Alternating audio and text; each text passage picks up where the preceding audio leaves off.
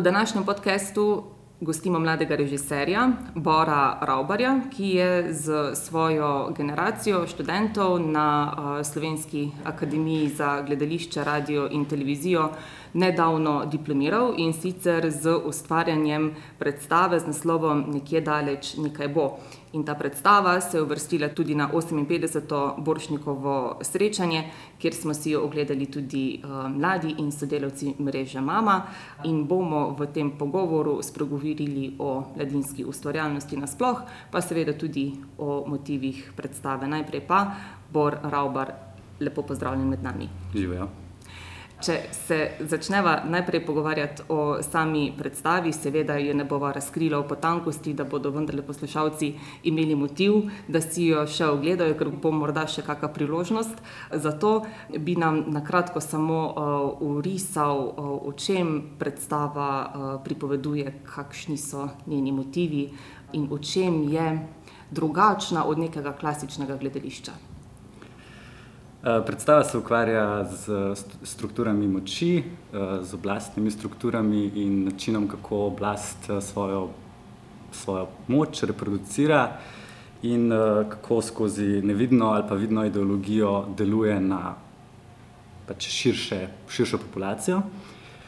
Zato uporabljamo dve metafori, ki ju sopostavljamo, to je ena, ena izmed njih je francoska revolucija in pač boj za tako imenovano egalité, fraternité, liberté, a ne.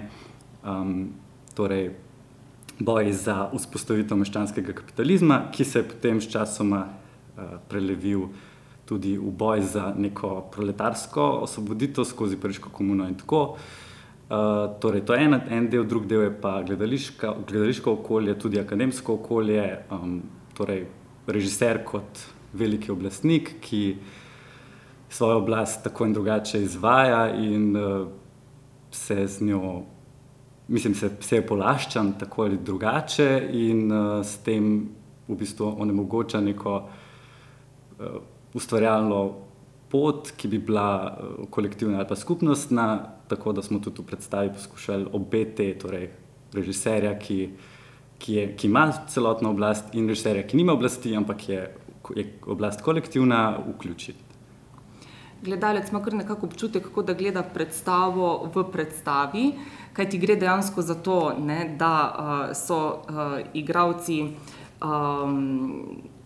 torej hospitalizirani in kot pacienti uprizarjajo predstavo, vendar se med njihovo uprizoritvijo dogajajo stvari, o katerih nismo povsem prepričani, ali gre še za njihovo predstavo ali gre za neko vzporedno dogajanje ob tej predstavi. Skratka, za gledalca zna biti kar zanimiva izkušnja spremljanja neke rdeče niti, ki se nenehno nekako razceplja, no. Ja, verjetno res.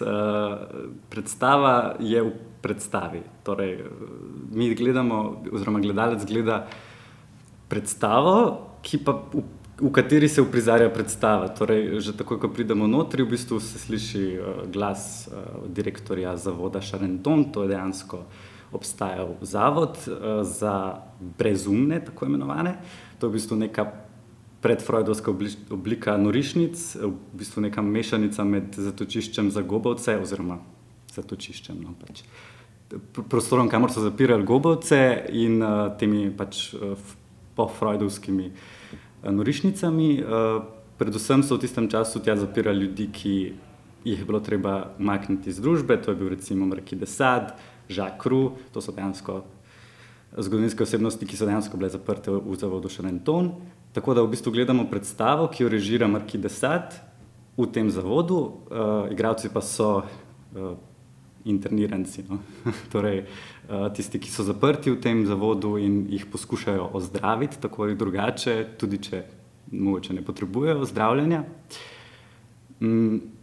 in je, in je v bistvu v tem delu, to je ta del, kjer je, kjer ima de Sade kot režiser popolno oblast nad njimi in je tudi konstantno predstava skače med predstavo, ki je bila planirana, in nečim, kar oni sami bodisi pobegnejo iz prizora bodisi končajo prizor bodisi nočejo prizora odigrati bodisi prevzamejo neko inicijativo in začnejo kar nekaj govoriti drugega, kar sad mi želimo, in potem sad to ustavi, včasih pusti nekaj časa in potem ustavi. Uh, v vsakem primeru uh, je, to, je to begajoča predstava, ki, ki v bistvu testira limite, kaj tudi lahko gledalec sprejme, čemu lahko sledi, in ali v enem momentu gledalec recimo odide, ker ne more slediti, kar se tudi dogaja in s tem ni nič narobe, po mojem mnenju. Uh, ali pa pač ugotovi, da okay, ne sledim v resnici točni vsebini te predstave v predstavi, ampak sledim verjetno tej širši zgodbi predstave, ki je o predstavi, in se prepustiš temu občutku nemoči in uh, pač temu kaosu, ki je nastajal okrog tebe, in potem v enem momentu, ko se to prevesi v drugi del, ko se zgodi odhod iz gledališča, gremo dejansko ven iz dvorane skupaj z gledalci čez oder. Uh, v Mariboru smo šli na gledališki trg, uh, oziroma ta trg, ne vem kako se imenuje, no, med, pred gledališčem, uh, na, na akademiji smo šli na, na neko mesto, ki je zelo pomembno vsem študentom, kjer se veliko družimo za akademijo. Mm, takrat se pa zgodi pač neka odrešitev in takrat verjetno gledalci ponovadi no, potem slišimo take stvari, oh, tam sem pa lahko zadihal, prej se nisem vedel, kaj se dogaja, potem sem pa lahko zadihal in, in sem tudi lahko ploskal zaradi tega na koncu, ker, ker sem se sprostil, ne, ampak eh, prej pa v bistvu res nek nemir prisoten. No, in ta moment v predstavi, ta pobeg iz eh, gledališča na prosto, bi mogoče lahko razumeli tudi kot neko metaforo pobega študentov iz uh, akademskega okolja, zdaj v res um, pravo, pa ne da akademsko ni pravo, ne, ampak skratka samostojno, ustvarjalno uh, življenje. Ne. Ja, ja tako, eh, to je tudi en del tega, tudi, uh, to je pač moja diplomska predstava, tako, tako rekoč, čeprav diplomsko nalogo moram še napisati. Uh, in tudi sošolci, igravci lahko to predstavo ali pa da drugo diplomsko od mojega sošolca, režiserja Jrneja Potočana, izberejo kot diplomsko. Um, tako da to je bil na nek način naš, naš poslovilc, če tako rečem, od, od akademije. Tudi ta zadnji del je absolutno direktno na akademijo. V bistvu, um, izhodišče je bila sicer Pariška komuna, ampak samo v nekem tem idejnem smislu, torej neka poskus, nek poskus osvoboditve. Seveda je pa tudi ta poskus osvoboditve po, povezan pač s nekim realnim svetom, ki je okrog, okrog nas in je. Seveda ni najlažje uh, pač preživeti, uh, sploh na svobodi, kot uh, ustvarjalec, sploh direkt po akademiji. In če zdaj združiva ta dva osnovna pojma, ne, ki si razlagal na začetku, da ste se ukvarjali s strukturami moči in da uh, je zaključek predstave, torej metafora poskusa osvoboditve. Pa če to poskušamo prenesti na sodobno družbo, uh, vas mlade v, tej, v tem aktualnem družbeno-političnem ekonomskem sistemu, iz katerega bi en del uh, populacije zelo rad išel, drugemu delu je pa dovolj udobno, da bi rad ustrajal. Skratka, um, kako mladi gledate na se med temi aktualnimi strukturami moči in kaj bi za vas bila osvoboditev, kaj sploh potrebujete? Ja, to je, to je recimo, točno to, s tem smo se ukvarjali veliko, ne, s takimi vprašanji. Torej, kaj je zdaj ta osvoboditev, ki si jo tako želimo, um, a si jo želimo zakaj si jo želimo. In tako, uh, če, gled, če gledamo čist uh, v, v kontekstu teh velikih uh, revolucij 20. stoletja, in tako meni se zdi, da to je zdaj moje osebno mnenje, težko govorim za vse ne, mlade, uh, da, da smo prišli do točke, kjer, uh, kjer, smo, kjer smo v svetu brez idej, brez ideologij, če, če tako rečemo. Uh, kjer je v bistvu vse požrla neka ta vodilna vladajoča ideologija, uh, ki pač lahko bi rekel hegelijanska, pa po Fukuyami, ne pač history is over, ne, torej neoliberalni kapitalizem oziroma ta parlamentarna demokracija znotraj kapitalizma nekako je najbližje nekemu normalnemu svetu in tako. In tudi mislim, da smo tudi mladi, težko si zamišljamo, kaj, kaj pa res drugega bi lahko, bi lahko, bi lahko naredili, uh, bi lahko doživeli, bi lahko razmišljali, bi lahko mislili. Uh, vemo, da so pač seveda alternative v obliki socializma, anarhizma, ne vem kaj možnosti. Seveda jaz absolutno zagovarjam nek, neko, neko vrstni socializem in tako, ampak kako pa do tja prideti, kako, kako to sploh vzpostaviti v tem globalnem kapitalističnem svetu, uh, se mi zdi prava uganka in to, to nas je v sklopu te, tega študija tudi, uh, tudi do tega smo prišli, da v resnici si ne znamo predstavljati neke alternative, nekega alternativnega uh, družbenega alternativne družbene ureditve, no, ki bi dejansko funkcionirala in bi pač ohranjala in nas kot vrsto in druge vrste na, na, na svetu, uh, življenjske, pač živalske, rastlinske, vse. Uh, mislim, tako da težko odgovorim, ker, ker imam občutek, da, da kot svet ne vemo in si niti ne znamo več domišljati, kaj je. Eh, tudi v kontekstu te sodobne pač vojne ne, v Evropi. Eh, občutki so, da, da ne da gremo naprej, ampak da gremo nazaj, da se pač poskuša v resnici izničiti vse, kar se, kar, kar se je tudi poskušalo doseči v 20. stoletju, in da gremo nazaj v, v imperialistične čase uh, večjih centrov moči na svetu, ki se med sabo pač tepejo. Ne. Ali misliš, da prav zaradi odsotnosti te neke realne alternative za sistem, ki ga imamo, tudi še vedno nimamo, vsaj ne globalne revolucije, ki bi lahko um, zajela kritično maso, uh, da bi uh, se realne, dolgoročne spremembe zares lahko zgodile?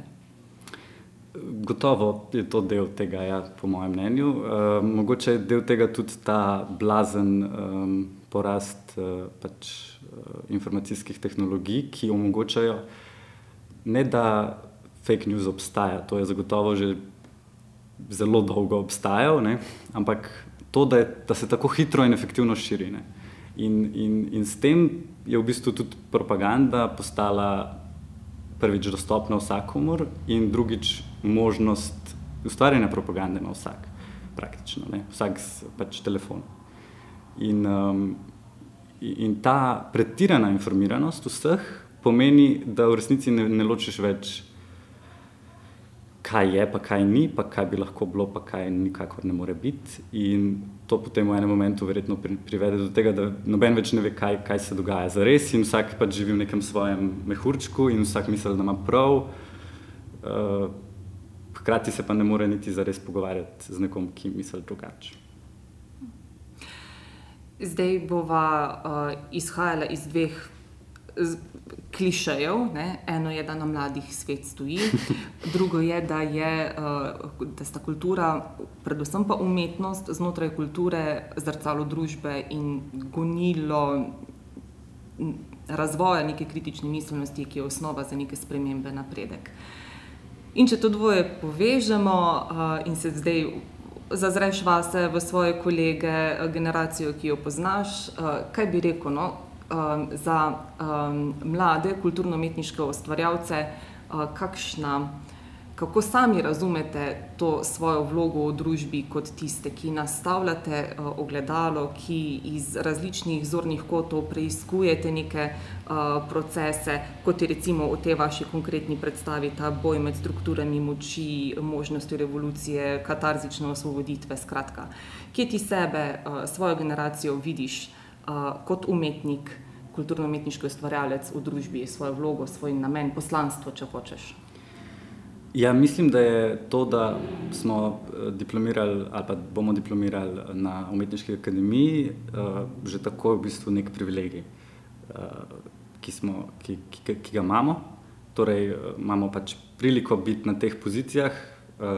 Jaz imam pač priliko iti v teater, prositi, da me angažirajo, mogoče me bodo. In če me bodo, bom imel priliko na nekem velikem, recimo, odru ali pa malem odru govoriti o nečem. In to je odgovornost.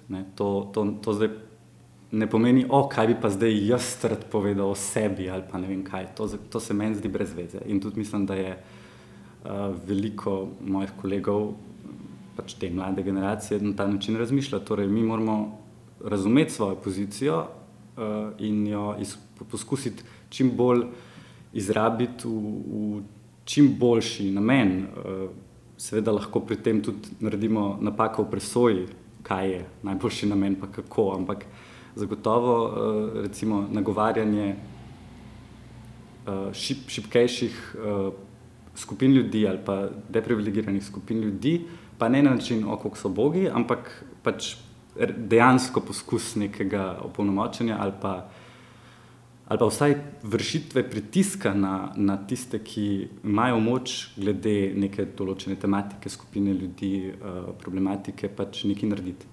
Uh, in, in če na to tako gledamo, mislim, da potem takoj eh, pride do, do tega, da ne moreš tebe gledati kot nekega povličenega umetnika, ki je v svojem slonokoščenem stolpu in gleda dol in, in pač opisuje lepote neba tistim dol, ampak mi smo skupaj dol.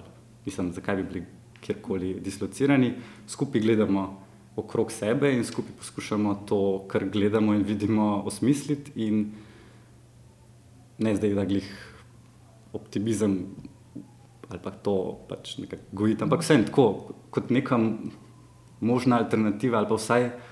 Opcija, da mogoče nekoč bo možna alternativa. Ne? Tudi zato je naslov naš, recimo, nekje daleč nekaj bo. Ne? Sej, mi res upamo, da nekje daleč nekaj bo, no? da ne bo tako, kot je. In če uh, torej, um, vidiš aktivno vlogo svoje generacije na kulturno-umetniškem področju, je naslednje vprašanje, ali v tem trenutku mladi imate dovolj priložnosti, da aktivno vstopate v to polje uh, družbenega delovanja znotraj kulture uh, in umetnosti. Zdaj najbrž kot študenti, a ne. Uh, imate že skozi sam študijski program precej priložnosti. Ja, kaj pa potem, ko naenkrat nisi več pod okriljem akademije in se moraš to besedno znajti na trgu, ne, kot radi rečemo? Absolutno, to je uh, sploh režiserji, ki prihajamo iz akademije, uh, načeloma sploh ni variante, da bi se nekje zaposlil redno. Tudi Mislim, se, če tako pogledamo, verjetno to tudi v umetniškem smislu nima za res velikega smisla, da si ti v enem teatru zaposlen 40 let in delaš z istimi ljudmi. To, to se ne oplaja, to, to gledališče pač rabi uh, različne ljudi v različnih prostorih, v različnih trenutkih. Uh, je pa seveda to z vidika socialnega uh, ali pa pač ekonomske varnosti težko, ker si dobesedno pač na trgu, si samostojni podjetnik, tudi če se temu reče samo zaposleno v kulturi. Seveda, samo zaposleno v kulturi imamo, nisem samo zaposleno, zakaj sem rekel zdaj v Ednini, mislim v prvi osebi, ampak nekoč bom. Ne? torej, samo zaposleni imajo to uh, opcijo, da, da jim država pač plačuje prispevke, v primeru, da izkažejo dovolj kakovosti in izjemnosti. Hkrati pa v zakonu piše, da je to državna pomoč. Uh, Tako da to se, to se tudi vem, da se zdaj na tem dela, no, tako da ne bom preveč kritičen, dokler ne, ne, dokler ne pride ven nek predlog. Um, zagotovo je težko vstopiti, ampak se mi pa zdi, da je zagotovo lažje, kot je bilo za generacijo, ki je bila mogoče ne ta tik pred nami, ampak tista še nazaj, torej pred recimo Nino Rajč, Kranjac, pa že divjak, divjakom in tako. Te, pred tam se mi zdi, da, da ker so bili tisti, tista generacija, Horvat, Lorenci, Janežič, recimo, tako močni, da je bilo res težko priti zraven, da so tok delali. Uh, in to, takrat pač jaz nisem niti tako prisoten, da bi zdaj lahko direkt povedal, zakaj pa kako. Ampak se mi zdi, da je zdaj vseeno boljše, uh, da se dejansko veliko mladih režiserjev angažira za tudi zanimive stvari in, in da da vidijo teatri, ne vsi, ampak zagotovo nekateri, vrednost v tem, uh, tej novi generaciji, ki se mi zdi, da je na nek drug način pristopa uh, zaradi situacije, družbene situacije, v kateri smo. Uh, predvsem pa se mi zdi, da igralcev v Sloveniji ni, ni spet tako velik, čeprav mogoče tako občutek, ampak ne, igravci se mi zdi, da tudi kar dobivajo angažmaje. No. Uh, Eh, to je zdaj trenutno moj občutek, mogoče bom čez kako leto drugače gledal uh, na, na situacijo, ampak se mi zdi, da ni tako uh, nemogoče uh, v tem mehkem prostoru uh, delati, kot bi lahko bilo, glede na prostor in velikost prostora. Okrog sprejemnih izpitov na uh, akademijo je uh, med uh, vsemi dijaki, ki želijo postati študenti AGRFT-ja, uh, cela drama, ne bi lahko rekli. Ja. Uh, vsaka generacija ima tudi najbrž mečkim drugačno izkušnjo. Kaj bi, no, zdaj kot uh, diplomant, ne, ki si uspešno prestal ognjeni krst uh, in vsa ta leta študija in vso to delo, uh, kaj bi lahko svetoval mlajšim, uh, bodočim kolegom, ki imajo te sanje uh, in se morda bojijo stopiti. Na, na pot nasproti tem sanjam, ali pa so tudi soočeni z zavrnitvami, in še ustrajajo, ali pa drugi obupujejo, skratka, nekako te tvoje, že mogoče malo mentorske misli. No?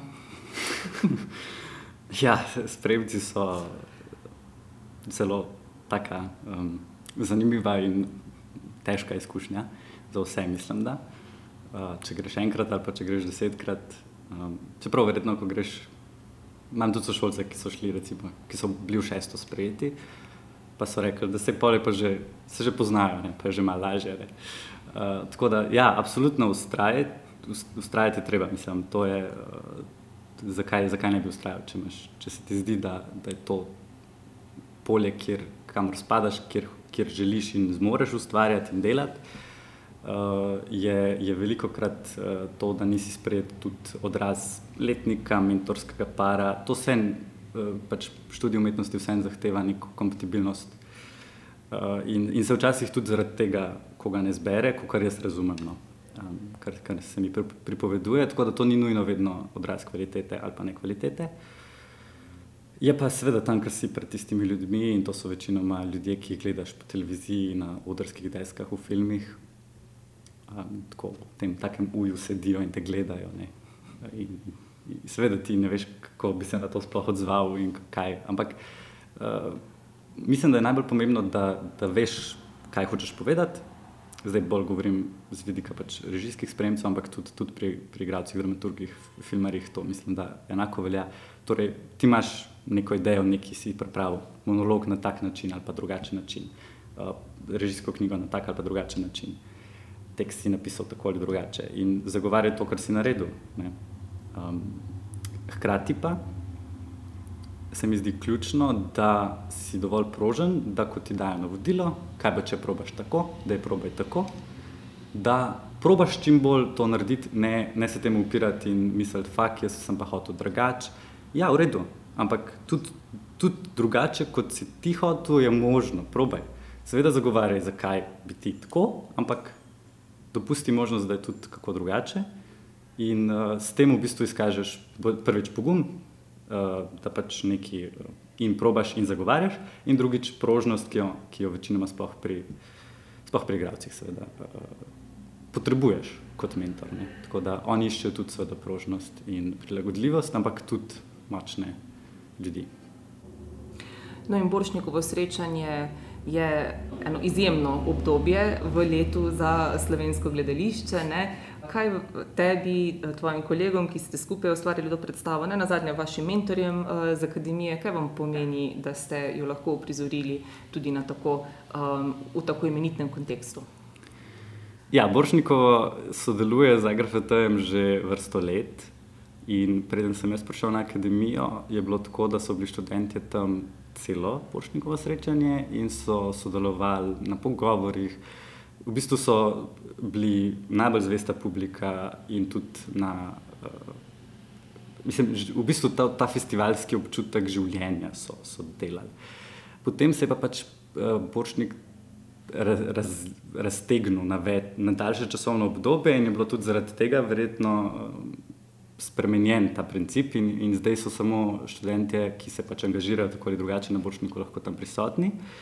Uh, Pa, pa seveda predstave se uvrščajo, uh, predstave, ki jih akademija predlaga, uh, se ponavadi pač jih uvrstijo v ta študentski program, kar je seveda odlično in super, in uh, super priložnost, da lahko v tej stavbi, v teh dvoranah, s temi kapacitetami uprizoriš nekaj, kar si uprizoril na, na, na faksu, seveda z manjšimi kapacitetami. Uh, recimo konkretno za našo predstavo smo, smo za nekaj, kar se spusti iz stropa na, na faksu res en mesec smo poskušali ugotoviti, kako bomo to naredili. Seveda v SNG Maribor je to rabno vrviščarja in, in pač vlek oziroma cuk ne? in to je to, pač ok, čez pol ure je bilo.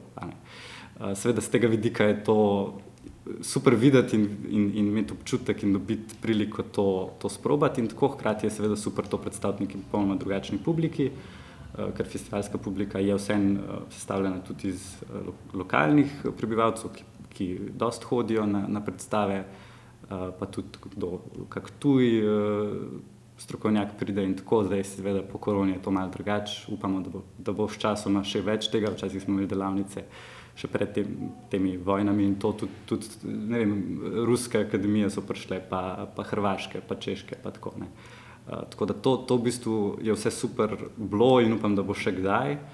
Uh, tako da seveda je super, da, da sodelujemo na bočnikovem srečanju, je pa to za nas uh, z vidika, to moram povedati, z vidika pač termina, absolutno neprimeren termin in se, to smo se tudi z njimi pogovarjali, oni to razumejo, ampak uh, pač seveda nismo mi fokus festivala, uh, zato je tudi razumljivo, da te naše želje ne, ne, ne, ne, ne uslišijo te naše želje, no, ampak seveda to je za nas eh, čas produkcij in izpitev.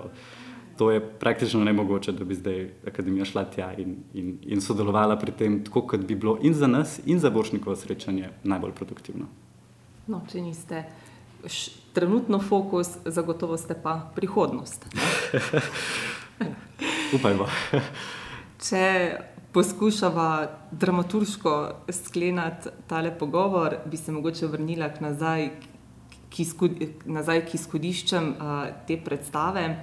Um, in vprašanjem, s katerimi ste se s kolegi ukvarjali, ko ste vse to postavljali na oder in sicer uh, zelo res um, intrigantno vprašanje, kaj je revolucija vaše generacije, kdo vse so tirani našega skupnega časa kakšna so sredstva upora. A ste v tem obdobju, ko ste to predstavo pripravljali, brali razno razno uh, literaturo, našli kaj odgovorov? Jaz mislim, da bi težko rekel, da, da smo našli prav odgovore. Mogoče samo neka, uh, neke ugotovitve ali pa stališča, ki jih imamo sami do, do tega. Uh, zdaj spet lahko govorim, tež, predvsem v svojem imenu, no, ker eh, se mi zdi, da smo. To je tudi čar tega. Ne? Mislim, da smo zelo različni uh, in da imamo zelo različne ideje o, o, o revoluciji, o uporu, o tiranih, kaj so tirani, kdo so tirani. Um, ampak ja, mislim, da je revolucija našega časa že. Ali pa bom drugače rekel, da so tirani našega časa nevidni da, da jih ne vidimo, ne čutimo, ne slišimo, um, da, da se jim zelo težko upremo, ravno zaradi tega. Mislim, čist banalni primer je, seveda, ko je pač. Uh, Ne vem, recimo, ko so bile prve te delovske ustaje, je bil pač v tovarni od spodaj, ali pa v rudniku, so bili delavci in zgori so bili pač uh, šefi. In to je bilo zelo jasno in zelo enostavno, in se je tudi mobilizacija lahko zgodila. Uh, Danes pa v resnici kaj? Ali bomo slovensko vlado zrušili in spostavili uh, komuno, ljubljansko komuno? Ja, ne, se čez pet ur verjetno ukoraka NATO. Mislim, to je zdaj bizaren primer. Ne? Ampak um, kdo so tirani našega časa, ne vemo in mislim, da, mora, da je prva revolucija to, da najdemo tirane ali pa da jih poskušamo vsaj, vsaj poskušamo razkriti. Um, upor pa se mislim, da dan danes zgodi m, tako, kot vedno, na vsakodnevni, vsak, vsakodnevni ravni, na, na življenjskih stvarih, na materialnih stvarih. Tako kot je Rosa Park pač ni, ni ustala, tako pač moramo mi ne ostati, tako in drugače. Um, in, in, in tako bomo mogoče lahko počasi spremenjali svet okrog nas, družbo okrog nas na boljše za vse. Par Raubar, mladi režiser, hvala za te sklepne misli in za zelo zanimiv pogovor. Hvala. In seveda veliko uspeha, tako na odru, pod njim in v življenju nasploh. Hvala enako.